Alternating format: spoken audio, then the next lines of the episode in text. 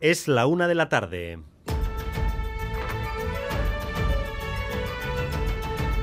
Crónica de Euskadi con Dani Álvarez.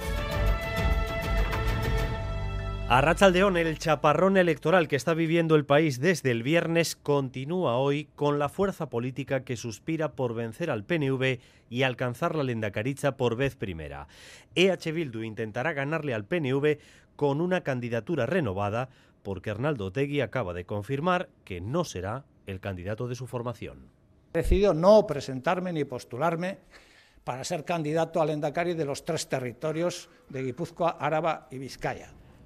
EH Bildu medita, por tanto, desde hoy qué persona deberá liderar su candidatura cuando ya sabe quiénes son sus oponentes a Negoñi.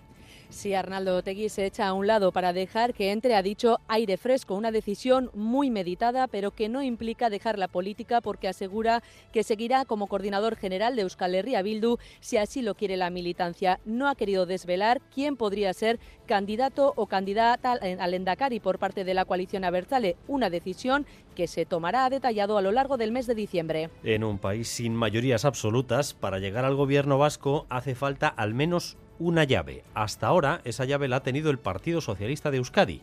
Y Andueza dice que ni unos ni otros.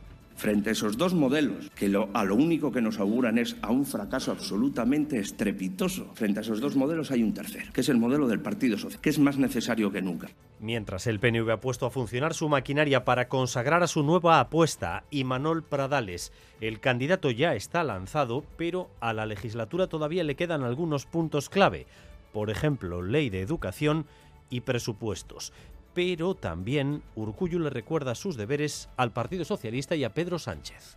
Tenemos un plazo de tres meses en el que el gobierno español debería cumplimentar tres transferencias, tres materias que están contempladas en los acuerdos entre el Partido Nacionalista Vasco y el Partido Socialista Obrero Español. Esto es yo creo que importante para lo que pueda ser también el mandato de esta legislatura. Por cierto, que el nuevo gobierno de España va completando su organigrama y si bien a la cabeza de los ministerios las aportaciones vascas son Marlasca y Elma Saiz, en las segundas líneas hay mayor peso vasco.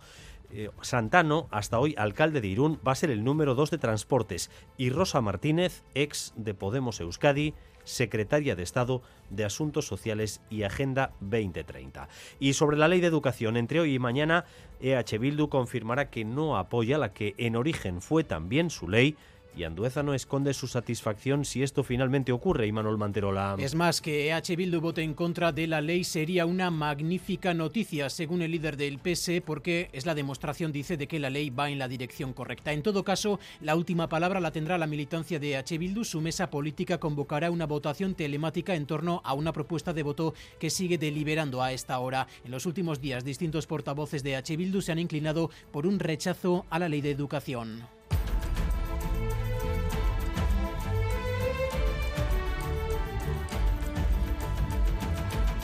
Se acumulan las denuncias contra los porteros de la discoteca bilbaína MoMA tras la tumultuosa pelea de este fin de semana en la que los responsables de la seguridad patearon a varias personas. Xavier Madariaga. Sí, ayer eran dos denuncias, hoy ya son cuatro. Fueron los propios vecinos quienes al ver desde las ventanas lo que estaba pasando llamaron a los municipales que llegaron en cuatro minutos y dos minutos más tarde nos dicen apareció la Archanza. Aseguran quienes viven encima de la discoteca y la sufren cada fin de semana que peleas como esa llevan viviéndolas desde que se abrió el local. Las agrupaciones de vecinos son muy críticas con el personal que la discoteca contrata para garantizar la seguridad del local. Y esta semana vamos a profundizar en las consecuencias del calentamiento global, en concreto en el mar, desde el calentamiento del Ártico, que está acelerando la elevación del nivel del mar, hasta aquí, hasta el Cantábrico, donde estamos registrando, como ustedes saben, temperaturas del agua en verano hasta 2 grados por encima de lo habitual. Miquel Reparaz va a recorrer algunos puntos clave de las zonas más septentrionales del planeta. Ahora está en Groenlandia. Miquel Reparaz, adelante.